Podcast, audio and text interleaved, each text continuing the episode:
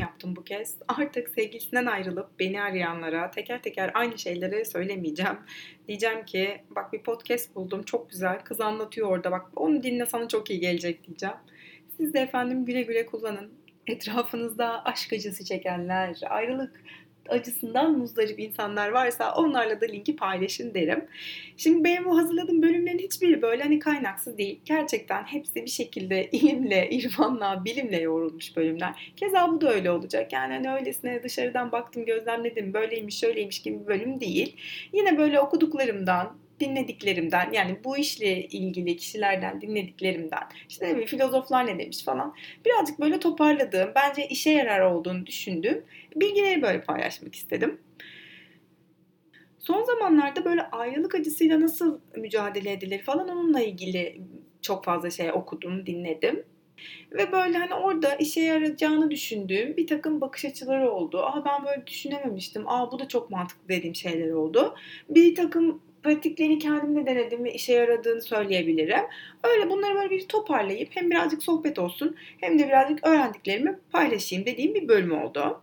Şimdi bu konu birazcık garip bir konu. Yani bu ayrılık acısı konusu eğer mesela ayrılan kişiye gidip sorarsanız eminim o çok büyük bir acı çekiyor. Yani belki hakikaten fiziksel fonksiyonlarını yerine getiremiyor. İşte yemek yemiyor, odaklanamıyor vesaire. Ama gelin görün ki işte bu aşk acısıyla ilgili mevzularınızı gidip atıyorum evli birine yani işte ne bileyim bu aşkla meşgule çok hani gündeminde olmayan belki hatta maddi sıkıntıları olan ya da kariyeriyle ilgili bir takım problemleri olan böyle birilerine anlattığınız zaman böyle ya diyor ki unutursan hani unutmuş olursun ya bunu niye bu kadar büyütüyorsun ya delirme sana işte kız mı yok sana çocuk mu yok falan diyorlar. Onlara göre göre de önemsiz bir konu. Dolayısıyla böyle gelgitler içerisinde bu konu aslında önemini yitirmiş bir konu. Kültürümüzde de hani böyle çok sahiplenilen bir dert olarak bakılan bir konu değil. Ama hiç merak etmeyin ben buradayım. Ben bu konunun indirgenmesine ve sığlaştırılmasına karşıyım. Bence bu ayrılık acısı dönemi çünkü çok önemli bir dönem. İnsanlar böyle bu dönemde hani daha fazla içine dönüyorlar. Hakikaten bu kendini tanıma sürecini bence hızlandıran bir dönem. Ki hatta böyle genelde yogaya başlama vesaire esnaları da hep bu dönemlerde olur. Eğer etrafınızdan da gözlemlediyseniz birçok şeye gebe olduğunu düşündüğüm verimli bir dönem olabilir bu dönem. Ama gelin görün ki nice dimalar bu dönemde kayboluyorlar, depresyonlara sürükleniyorlar ama izin vermeyeceğiz efendim. Peki neler yapabiliriz yani bu dönemde kendimizi daha iyi hissetmek için? O zaman ben şöyle yavaş yavaş bir başlayayım. Benim senelerdir tüm ayrıldım, ayrılık acısı çekiyorum diyen arkadaşlarıma gönderdiğim ilk TED konuşması Guy Winch'in How to Fix a Broken Heart diye bir TED konuşması. Emotional First Aid diye bir kitabı vardı. Onun konuşması sanıyorum. Hatta Guy Winch'in iki tane TED konuşması var ve ikisi de aslında bu duygusal ilk yardım konusuyla alakalı. Ama bu How to Fix a Broken Heart konuşması beni etkilemiş ve böyle hani ya onu dinledim ve değişti her şey değil ama bana böyle farklı bir bakış açısı e, katmıştı. Aa bunu da deneyebilirim demiştim. Bana en çok dokunan yeri yani en çok işe yaradığını düşündüğüm kısmı şuydu. Garvich bir psikolog ve çok fazla case e, var elinde ve dolayısıyla söylediği şeyler bir kere çok samimi anlatırken. Ben şimdi konuşmanın tamamından bahsetmeyeceğim burada. Bence mutlaka izleyin zaten. Şöyle bir şey söylüyor.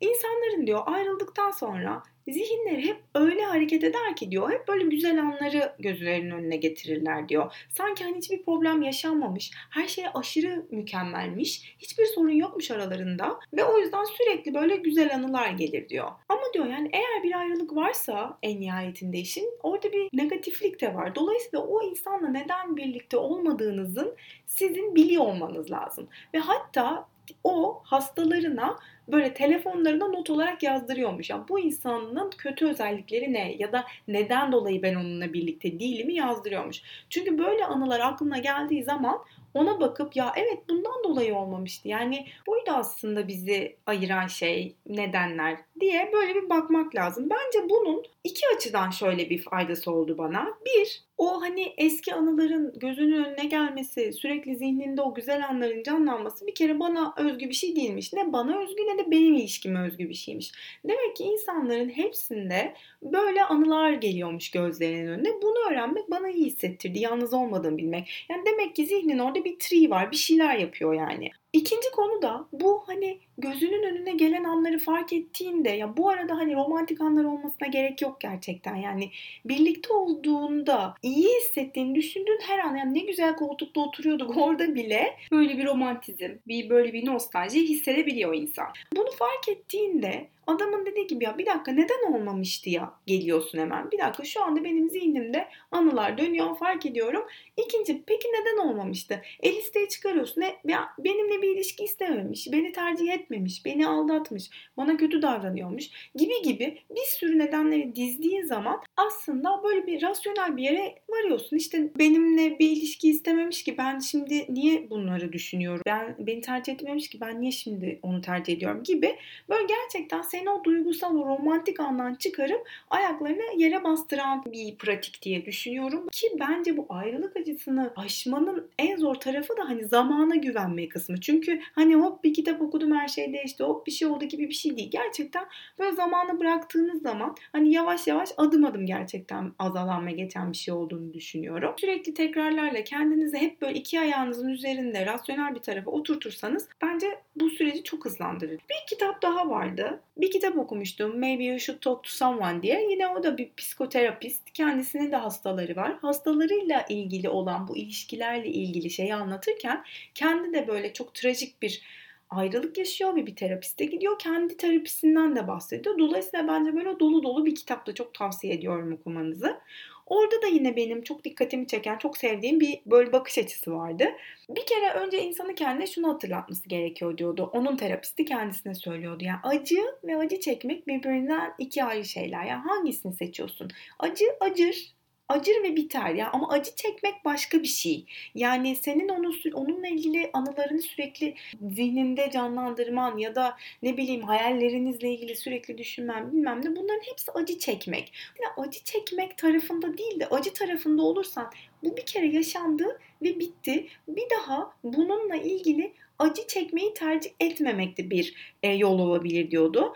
Stalklamak mesela Bunlardan böyle vazgeçmek aslında acı çekmeyi azaltan yöntemler. Orada yine bir şey vardı. Yani bir ayrılığın aslında bu kadar acı vermesinin nedeni sadece şu anda yaşanmaması. Çünkü geçmişin de aslında ayrılığını yaşıyorsun ve belki geleceğinin de ayrılığını yaşıyorsun. Sadece şimdiki zamandaki bir acı olmadığı için bu kadar yoğun hissediyorsun diyordu. Gelecekle ilgili de hep geleceği biz biraz sonra ya da ilerisi gibi düşünüyoruz ama gelecek dediğimiz şey aslında şu anda yaptığımız şeylerden oluşuyor. Yani yarını da nasıl yaratacağımız aslında elimizde. Bu konularla ilgili böyle okurken aklıma şey geldi. Mesela Viktor Frankl'ın insanın anlam arayışı. Bu kitap 2. Dünya Savaşı'nda işte Nazi kamplarına götürülen Viktor Frank tarafından yazılıyor. Yani oradaki özgürlüklerin elinden alınması ne demek onu yaşamış birisi. Ve hayattaki büyük acıları işte eşini kaybediyor, annesini babasını kaybediyor, kardeşini kaybediyor. Bunları yaşamış birisinin yazdığını düşününce hani belki söyleyeceğim şeyler daha e, anlamlı gelebilir. Yani diyor ki insanın elinden tüm özgürlükleri alabilirsiniz ki bunu toplama kampının ne demek olduğunu bilen biri söylüyor öyle düşünün. İnsanın elinden tüm özgürlükleri, her şeyi alabilirsiniz ama tek bir şey alamazsınız. O da durumlara karşı vereceği tepkiyi, bakış açısını alamazsınız diyor. Bu benim şu anlamda çok hoşuma gitti. Yani insan zihninin kendisinin belki bu kadar özgür olduğunu ya da bu kadar aslında güçlü olduğunu fark edemeyebiliyor. Ama bence birazcık bunun da farkında olmak, o zihnimizin de üstünde olduğumuzun farkında olmak bence iyi gelirmiş gibi geliyor bana. Epiktetos'un söylediği geliyor aklıma. İşte bazı şeyler kontrolümüz dahilinde, bazıları da kontrolümüz dahilinde değil. Bunu bilirsek aslında mutluluğa giden yol bu. Dolayısıyla kontrolümüz dahilinde olmayan şeylerle savaşıp kendimizi yormaya ve mutsuz etmeye gerek yok. Ama neleri yapabiliriz? Neler kontrolümüzde? İşte nasıl beslendiğinizden tutun da işte egzersiz yapıp yapmadığınız ya da ne kadar uyuyup uyumadığınız sizin elinizde. Ya da aynı kişiyle ilgili sürekli aynı şeyleri söyleyip söylememek sizin elinizde.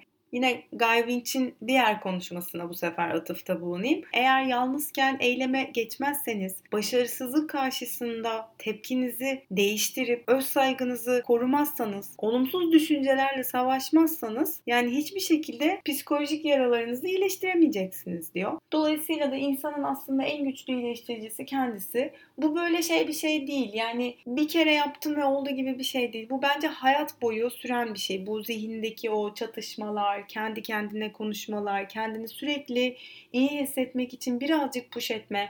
Bence işte çok rahat olmaması gerekiyor insanın. Birazcık rahatsızlık aslında en büyük e, rahatın kaynağı bana kalırsa. O yüzden işte sabah uyandığınızda belki kendinize motive edecek şeyler bulmak, sosyal medyanızı bile belki hatta buna göre düzenlemek. Yani işte ne bileyim sizi motive edecek, sizi dışarıya çıkaracak belki şeyler oku, okuyup izlemek ve arkadaşlarınızla olmak. Bu bağlantı konusu çünkü gerçekten önemli. Eğer sizi dinleyen arkadaşlarınız varsa etrafınızda bence onlardan yardım istemekten de çekinmeyin. Onlarla da konuşun. Ama aynı şeylerden bahsetmeyin. Böyle ruminasyon değil. Yani sürekli aynı şeyleri tekrar ve tekrar değil. Belki bir sonraki adımınızı planlamak. Belki o güne dair sizi motive eden bir şeyden bahsetmek ama hep olumlu bir şeylerden bahsetmek ve sonra zamanın da yardımıyla göreceksiniz ki zaten çok da eskisi gibi hissetmiyorsunuz. Bir yandan da sanki şunu unutmamak lazım. Bu işin bir parçası. Yani eğer ikili bir ilişkiye imza atıyorsak bunun da bir parçası bence incinmek. Ne olursa olsun bunun yani bu anlaşmanın bir parçası olarak incinmeyi kabul etmek ve hatta bu yaşanan aşk acısını, bu yaşadığınız o acı her neyse bunu insan olmanın bir parçası olarak ya da büyümenin bir parçası olarak görmek belki. Hani şey gibi bıyıkların çıkması gibi, ilk adet görmek gibi bu da aşk acısı. Yani bu yaşanıyor ve yaşanacak insan olmanın bir parçası olarak kabul etmek lazım sevmek, sevilmek biraz böyle bir şey. Brené Brown podcastlerinin bir tanesinde hangisiydi şimdi hatırlamıyorum ama şöyle bir cümle söylemişti. Hayatımda yani bu zamana kadar kendimi sevilmeye bırakmak dışında hani ne daha riskli, ne daha zor, ne de daha kırılgan bir şey yaptım. Yani yaptığım en kırılgan, en zor, en riskli şey kendimi sevilmeye bırakmaktı demişti. Herkes herhalde şu anda ne demek istediğini anlıyordur. Harvard'da Daniel Gilbert önderliğinde bir araştırma yapılıyor. Böyle başına çok kötü şeyler gelmiş olan insanlar üzerinde yapılıyor bu çalışma ve onların bu olaylara nasıl tepki verdiklerini, vereceklerini ölçüyorlar.